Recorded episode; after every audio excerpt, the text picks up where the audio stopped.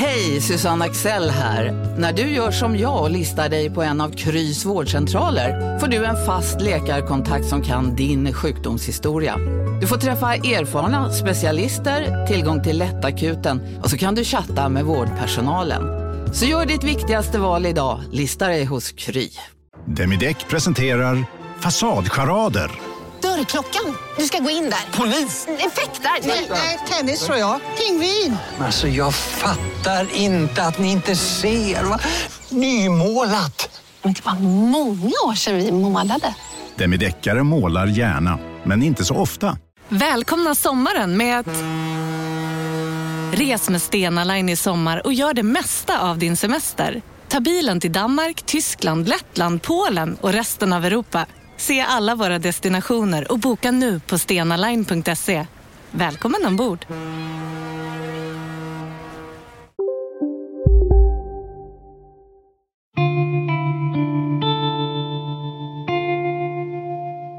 Efter att ett vittne larmat om blodspår i ett trapphus i Dannebacken i Trollhättan kallas polisassistent Caroline Druva ut.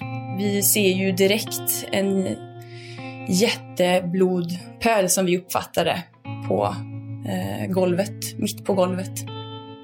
Fallet med den försvunna småbarnsmamman hamnar snart på kriminalkommissarie Sten-Rune Timmersjös bord.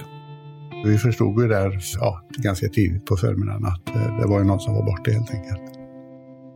Missing People inleder det som ska bli deras dittills största sökinsats och på nätforumet Flashback florerar flera rykten och teorier om vad som kan ha hänt.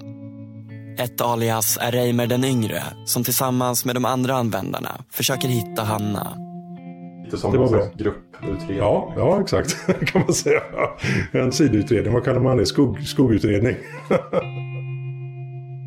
Jag heter Karl Fridsjö och du lyssnar på del två av en mörk historia om försvinnandet i Dannebacken.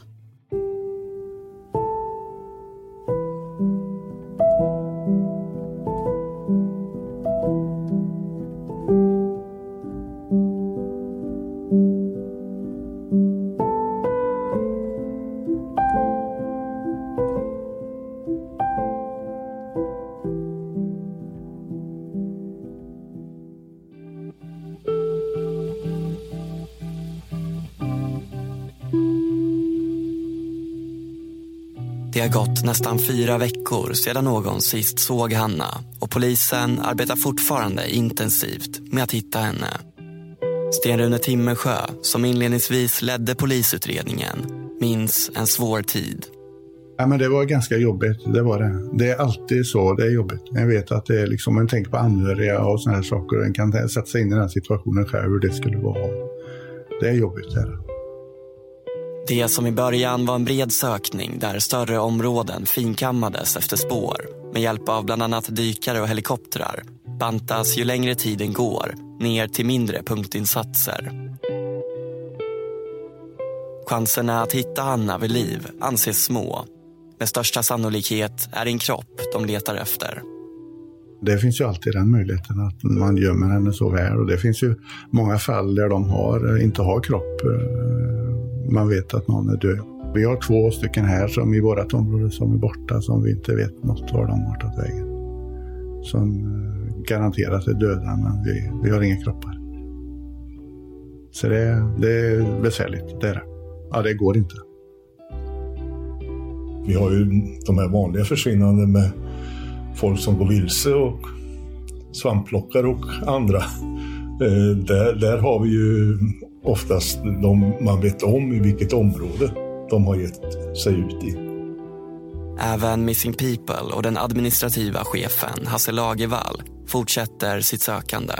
Det var ju mycket svårare i det här fallet där, där vi hade då bara bostaden som utgångspunkt, sedan då bilen.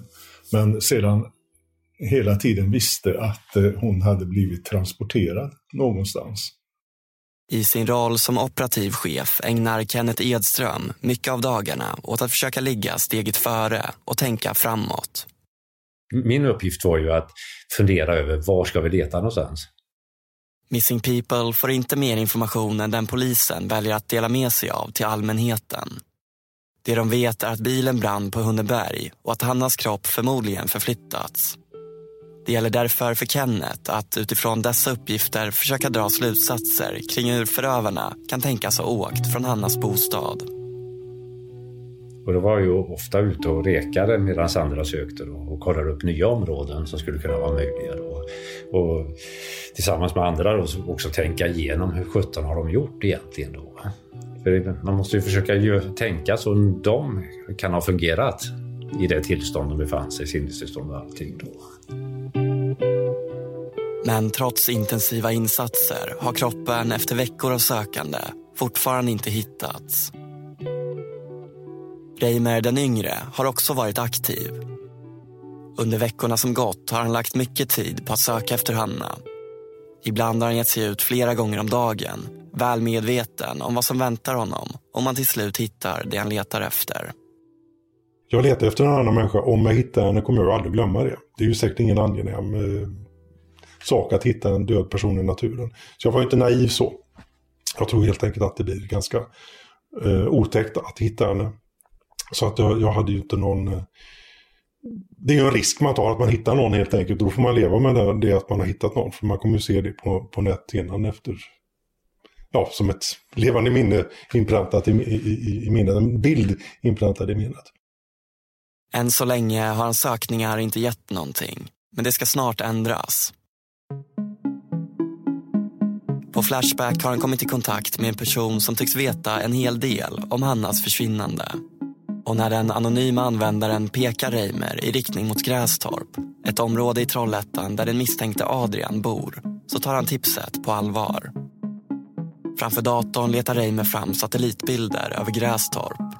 Han synar trängen och försöker dra slutsatser kring vilka platser i området som de misstänkta kan ha dumpat kroppen. Så jag tänkte, han söker sig till en skog. Jag tittar på flygkartan och kommer då fram till att den närmaste skogen finns söderut. Det är liksom en riktig skog. Och där finns det då dessutom ett kalhygge. Då Tänker jag, kalhygge går ju inte folk omkring på. Ligger ganska nära vägen och eh, det har ju ofta diken och det ligger is. Där tror jag kroppen är dumpad. Han tar sig till kalhygget där han nu tror att kroppen kan ha blivit dumpad. Och så parkerar jag på en liten väg som går in mot eh, kalhygget. Och eh, går in och, och tittar på kalhygget men eh, kammar ju noll. Och efter det så tänker jag att, att eh, okej okay, det stämmer ju inte men när jag ändå är här kan vi gå över på andra sidan och titta. Efter att ha konstaterat att det inte finns någonting på kalhygget vänder han istället blicken mot andra sidan, den lilla skogsvägen. Reimer den yngre har inte varit tillbaka till platsen på nästan fem år. Sista gången han var här var i samband med rättegången. Nu visar han oss hur han fortsatte sitt sökande den där dagen. Då går vi alltså här på den här eh, djurstigen får man väl kalla det. Då var det en varm sommardag och marken låg bar. Inte som nu, en kall februaridag när allt är inbäddat i snö. Och eh, jag tror att vi har gått en 10-15 meter. Och här nere till höger eh, så har, hittar, ser jag då ett, eh, ett örngott någonstans här nere till höger inom en radie på 5 meter. Jag kan inte komma ihåg riktigt vad det var nu. Bland träden ser Reimer ett örngott ligga slängt på marken. Det stämmer inte. Varför skulle någon ha med sig ett örngott ut i skogen? Det är lätt att låta sig ledas iväg. När man vill hitta någonting så kan man hitta väldigt, väldigt, väldigt mycket så man får vara lite skeptisk också. Men det ser ju bra ut så här långt i alla fall. Däremot tänker jag att har man burit iväg med en kropp så kanske man har rullat in den i lakan och så satt eh, ett örngott i varje ände helt enkelt och surrat ihop paketet på det viset.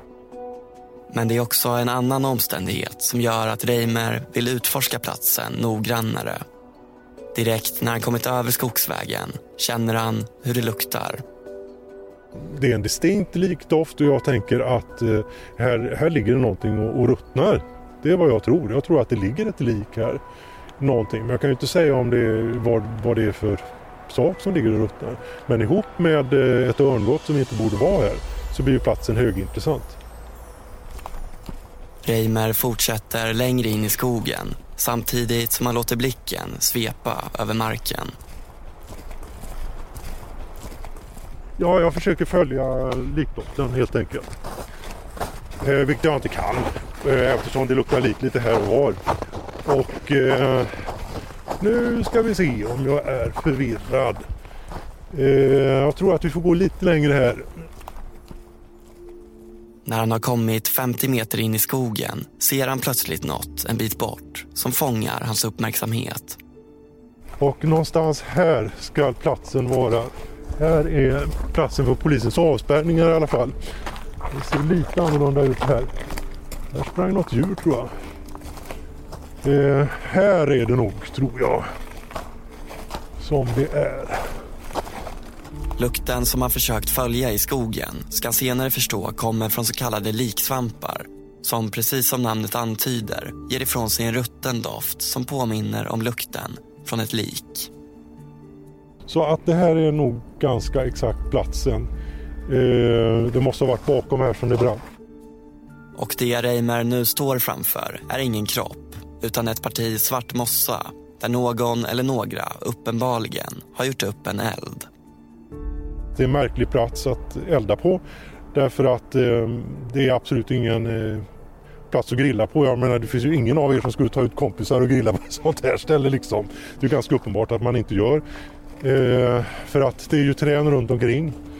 Eh, ja, och skuggigt. Däremot kan man säga att det enda platsen som man kan se eh, ett hus på det är ju i den riktningen norrut härifrån där man lätt kan se om någon är hemma. Annars finns det ju ingen som kan se en låga här. Men det är inte bara valet av plats för att göra upp en eld som Reimer tycker är märkligt. Själva brandplatsen ser inte heller ut som det brukar göra efter man eldat. Den är för ren, bara ett stort brännmärke i mossan där varken kol eller askrester finns kvar. Normalt kollar man ju att det har slutat brinna bara, sen går man därifrån. Men här är någon som har städat. Platsen är inte normal. Och det gör mig intresserad utav platsen. Men allt är inte bortstädat. Runt omkring brandplatsen ser Reimer den yngre spår av vad som kan ha legat i elden. Och sen så ligger det då klädbitar i, jag säger en cirkel låter lite för bra, men det ligger spritt runt om platsen. Brandplatsen menar jag då där själva lågan har varit. Runt om den så finns det då lite klädesplagg.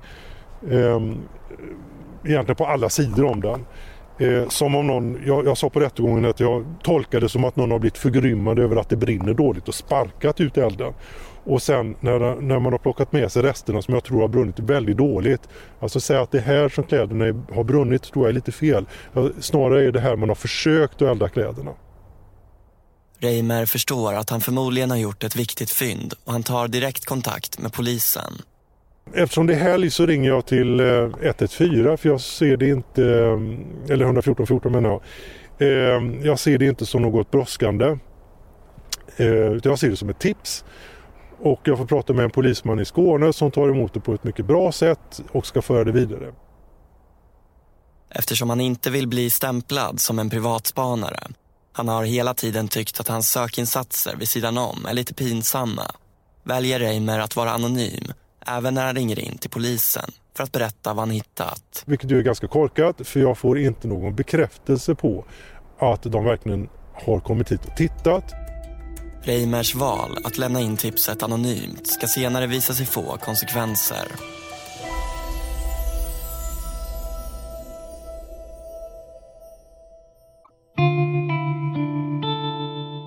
På polisstationen har Sten-Rune Timmersjö gått på semester det är en fin sommar, en av de varmaste på länge.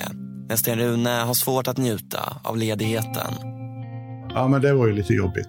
Eh, alltså, för då fick jag ju lämna över det och den semestern var ju inte sådär, det var ju ingen, ingen semester direkt. Jag gick ju och funderade på detta och, och sådär. Vad som kunde ha hänt och var de var fram. Så det var jobbigt, det var det. Det blir kollegan Tord Haraldsson som tar över ansvaret för utredningen medan Sten-Rune är borta. Och måndagen efter att Reimer den yngre hittat brandplatsen blir Haraldsson intervjuad om hur utredningen fortskrider. Eh, han får frågan om de har hittat något, eh, om de har fått in något bra tips under helgen. Och det svarar han nej på.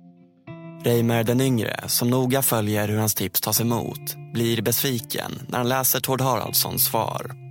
Och dagarna går utan att polisen undersöker brandplatsen. Varför händer ingenting? Varför läser man ingenting i tidningen? Jag åker dit ut flera gånger och tittar. Ser inte att någonting har hänt. Inga avspärrningar eller någonting. Så jag börjar till slut tro då att polisen tycker inte att det här är intressant. Och det är klart, får de in anonyma tips så får de sålla bland dem. När han tror att polisen inte alls är intresserade av fynden han har gjort bestämmer sig Reimer för att istället ta Flashback till hjälp. Förutom de bilder han tagit på fynden så lägger han också ut koordinaterna till brandplatsen. Och det var väl en liten miss från min sida, kanske. Alltså det rätta hade ju varit att kontakta någon polis man kände och säga att jag har faktiskt hittat det här. Varför hör de aldrig av mig? Det kunde jag ha gjort. Men så gjorde jag inte då, utan jag la ut de här bilderna. Flashback sätter direkt igång med att analysera bilderna. Och med hjälp av dem lyckas en av användarna, genom att studera resterna från klädetiketterna, pussla ihop vilken typ av plagg som brunnit vid platsen. En annan användare fyller i att han har sett en Facebook-bild på en av de misstänkta där han har samma typ av klädesplagg. Så att rätt som det var så satt man med ett foto på mördaren, misstänkt mördare i den här tröjan. Bara på Storytel. En natt i maj 1973 blir en kvinna brutalt mördad på en mörk gångväg. Lyssna på första delen i min nya ljudserie. Hennes sista steg av mig, Denise Rubberg. Inspirerad av verkliga händelser. Bara på Storytel. Om en så vidde på väg till dig för att du råkar ljuga från kollega om att du också hade en och innan du visste ordet av du hem kollegan på middag och... Då finns det flera smarta sätt att beställa hem din sous på. Som till våra paketboxar till exempel. Hälsningar Postnord. Ni har väl inte missat att alla takeaway förpackningar ni slänger på rätt ställe ger fina deals i McDonalds app. Även om skräpet kommer från andra snabbmatsrestauranger. Exempelvis... Åh, oh, sorry. Kom, kom åt något här. Exempelvis... Förlåt, det är något skit här. Andra snabbmatsrestauranger som... Vi, vi provar en talning till. La, la, la, la, la. La, la, la, la. Då får man ju lite lätt panik. Det går snabbt upp för Reimer vad det är han har gjort. Alltså, de har ju sagt att, att de inte har fått in något bra tips. Jag kan inte se att de har varit på platsen. Och plötsligt så är det uppenbart för Flashback att någonstans söder om, om, om den här bostaden så finns det en plats där det finns bevisföremål. Och det ligger på Flashback. Och då var ju paniken ganska stor här alltså. Det var ju inte så roligt. Insikten om att potentiellt viktiga bevis nu ligger obevakade vid brandplatsen utan att polisen haft möjlighet att undersöka dem gör att Reimer på nytt ger sig ut i skogen i Grästorp. Den här gången för att se till att platsen lämnas orörd tills polisen hinner komma dit. På plats träffar han av slump en annan flashbackare som också haft samma tanke. Vi pratade och funderade vad vi skulle göra och, och ska man ta med sig något bevis utifrån att de kommer under natten? Vågar vi vara kvar här och så vidare? Och vi kom fram till att vi vågar inte stå kvar här men att vi ska i alla fall inte röra någon, något av bevisen. Ehm, utan jag hade ju ändå fotat det dessutom så jag hade ju foto på en hel del saker. Så det skulle alltid gått att styrka att resten av tröjan fanns här. Efter ungefär en halvtimme lämnar de båda brandplatsen under en natt ska den sen stå obevakad innan polisen kommer dit morgonen efter. Det blir en viktig insikt för Reimer den yngre. Jag insåg i det läget att jag kunde inte vara anonym längre. Heller. Hur kändes det då? Tja, jag vet inte. Det är ett litet kvitto på att man är en idiot kan man säga. Att man kör anonymt och sen så när det verkligen då hittar någonting så måste, kan man ju, man kan ju inte, man kan ju inte se sig i spegeln om man är liksom hittar någonting som inte polisen kan använda sig av i en mordrättegång. Man får ju ta konsekvensen av att man har varit lite korkad.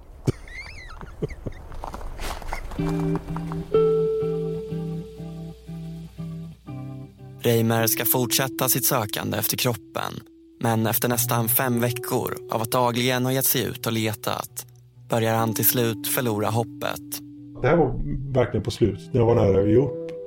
Men i och med att jag hade hittat då att, att det var bränt där så letade jag efter henne här också. Då.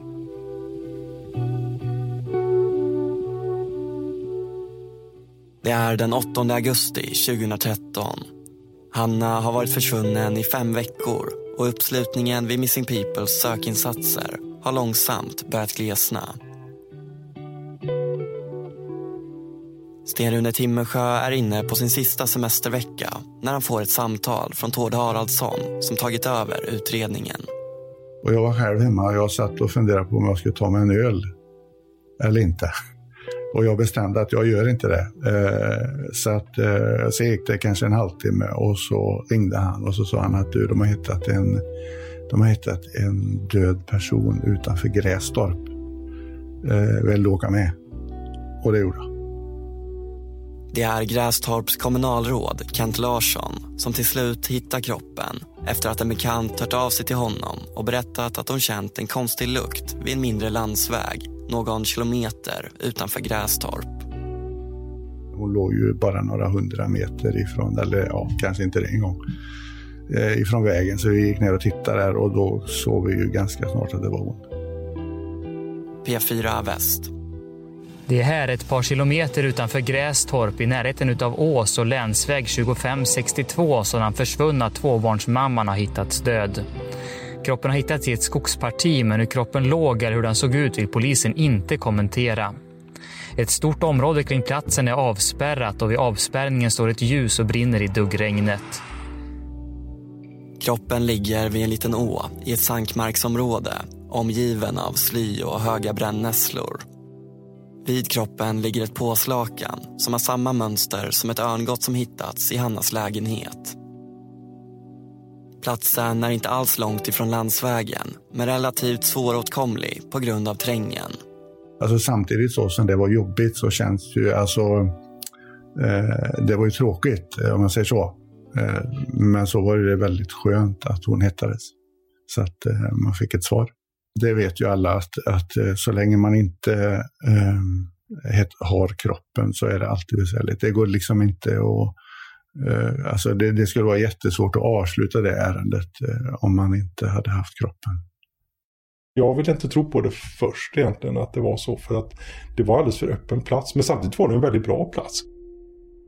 Det är på Flashback som Reimer nås av nyheten om att kroppen har hittats. Det är en plats där ingen stannar. Helt enkelt. Det är bara lite sly och, och gräs. Inga svampar, inga bär. Det är en väldigt bra plats. Låg lite för nära någon som kände att det luktade till slut. Faktum är att han då i efterhand förstår att han rent av varit nära att göra upptäckten själv. Jag har faktiskt åkt förbi där han låg, det har jag gjort. Det har aldrig framkommit förut, men det har jag faktiskt gjort. När han då passerade platsen kände han en lukt. Trots veckor av dagligt letande, hela tiden uppmärksam på sin omgivning, så valde Reimer den yngre att inte undersöka saken närmre den gången.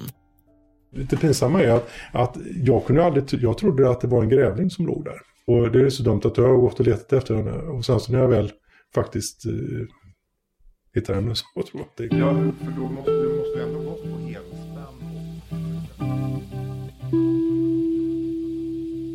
Det visar sig att även Kenneth Edström och Missing People har varit nära området där kroppen till slut hittades. Vi var aldrig riktigt dit. Eh, men vi var, i, vi var en kilometer ifrån ungefär. Men då gjorde vi ett hundsök med en, eh, ja, en hund som markerar för avlidna i vatten i eh, en å som heter Nossan. Den hunden gjorde faktiskt några markeringar där men hundföraren trodde nog inte riktigt på det då för det var så svagt och så. Då. idag när vi vet mer om hundar och så, så skulle vi nog ha gått på det lite tydligare tror jag. Hade man tolkat hundens markeringar annorlunda den dagen kanske kroppen hittats tidigare, menar Kenneth.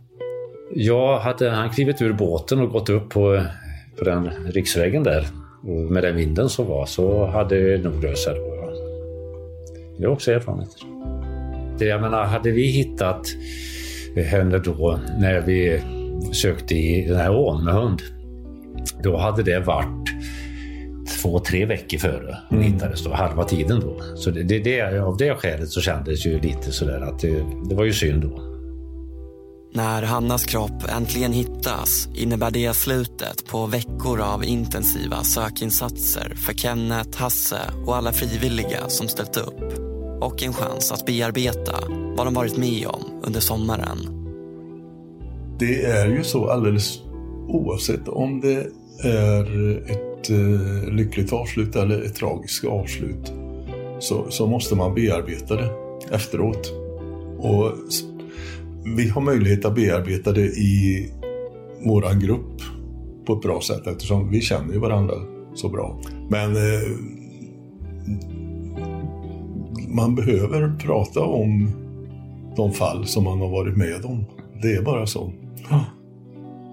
För att eh, alla, alla försvinnande, oavsett hur de slutar, så det berör oss.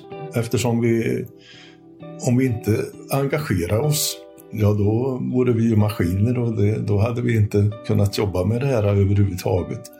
Och en engagerad människa, den, den får ju känslor alltid. Det är ju ofrånkomligt.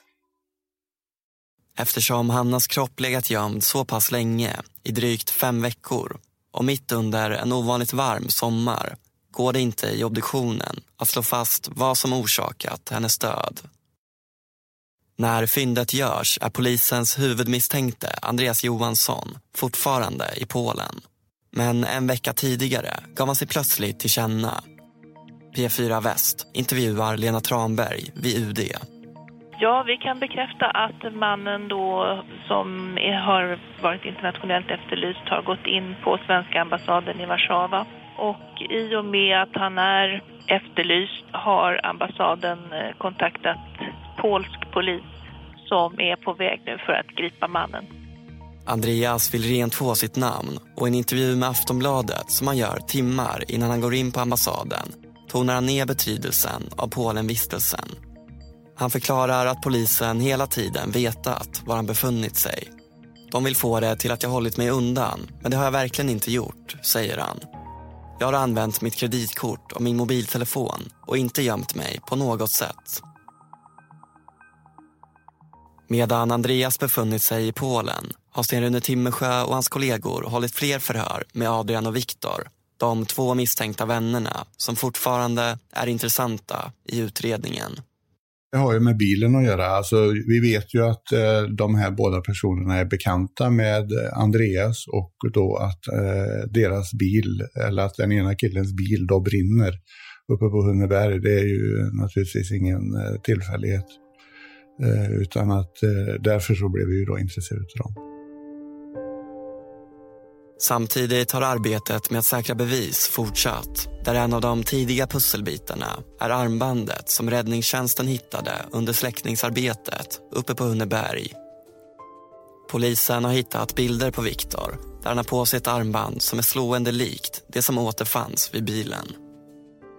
Eh, det är ju inte så att vi får alla avgörande bevis direkt utan eh, eh skospår i blod fanns det i lägenheten. Vi hade den utbrända bilen, vi hade något armband som anträffades där uppe vid bilen.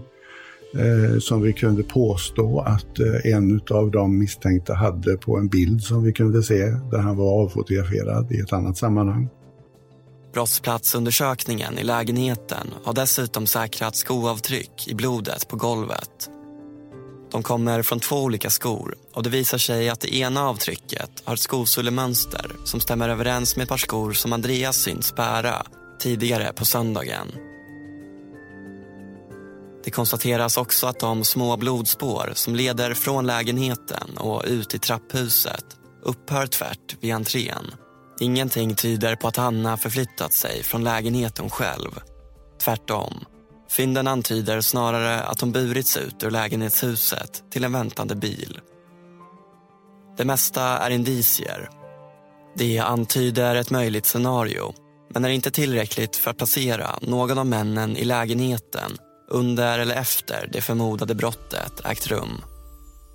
För att kunna dra några slutsatser måste man kunna visa på hur männen har rört sig under kvällen. Alltså, det handlar ju mycket om telefontrafik eh, Eh, och hur de har rört sig i området och vad de har eh, ringt för telefonsamtal, vad de har, hur de har använt sina sms. Eh, till varandra och hur de har stängt av sina telefoner och sådana saker. Så mycket handlar om telefontrafik. Polisen försöker bygga en tidslinje med särskilt fokus på den tidpunkt grannar hört skrik och dunsar från Hannas lägenhet. Då kan de försöka se hur männen har rört sig under kvällen, när viktiga samtal skett och framförallt hur det stämmer överens med vad de berättar i förhör. Uh, vi kan kolla lite grann här, ser vi hur det ser ut. Kartlägger man här vilken kontakt, där, där ser ni vilken mast de har befunnit sig på då. Man ser ju då tidpunkten här, eh, vilken tid de har haft kontakten eh, och var de befinner sig då. Telefontrafiken visar också att Andreas haft omfattande kontakt med Hanna tiden innan hon försvinner. Och så plötsligt upphör den. Eh, och varför gör det det? Eh, det kan ju också vara intressant. Du kan behålla pengarna du lånade, vill inte ha tillbaka dem. Det är innehållet i det sista smset som Andreas skickar till Hanna samma dag som hon upptäcks saknad. Det är ett, ett eh, sån här som man skulle kunna tänka sig ett påhittat sms som är skickat bara för att skaffa sig alibi. Eh, där han säger att du kan behålla pengar, låna, jag vill inte ha tillbaka dem och sådär. Och sen är hon borta efter det. Så att eh, sådana saker bygger man ju upp det hela ärendet med. Det ska dröja ytterligare en vecka innan Andreas blir utlämnad från Polen. Då ska polisen för första gången få möjlighet att fråga ut honom ordentligt om vad han gjorde under mordkvällen. Och Andreas ska visa sig ha förklaringar på det mesta.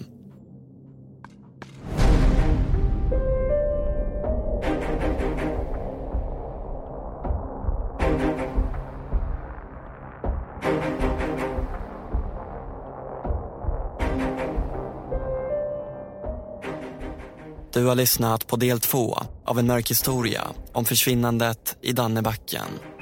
I nästa avsnitt. För jag lagar lite smårätter som kallas tapas. Det är en, för inte alla som är så välkända med det så är det ett spanskt sätt att äta mat på. Lite små, smått och gott så att säga. Ja, de eh, ska ha slagit och sparkat honom, bland annat hoppat på hans huvud. Så kan du komma och möta mig. Ja, eller hade problem, jag har blivit hotad. Kan du möta upp mig? Man vet ju aldrig när man kommer upp i rätten med ett indicieärende eller indiciemål hur det ska sluta.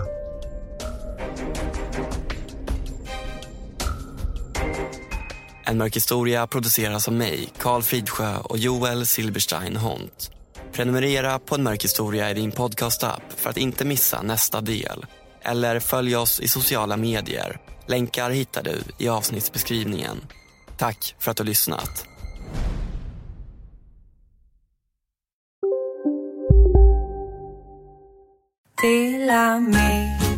Hej! Är du en av dem som tycker om att dela saker med andra? Då kommer dina öron att gilla det här. Hos Telenor kan man dela mobilabonnemang. Ju fler ni är, desto billigare blir det. Skaffa Telenor familj med upp till sju extra användare. Välkommen till någon av Telenors butiker eller telenor.se. Du, åker på ekonomin. Har han träffat någon? Han ser så happy ut. Var det onsdag? Det är nog Ikea. Har du dejtat någon där eller? Han säger att han bara äter. Ja, det är ju nice där alltså. Missa inte att onsdagar är happy days på IKEA. Fram till 31 maj äter du som är eller blir IKEA Family-medlem alla varmrätter till halva priset. Välkommen till IKEA.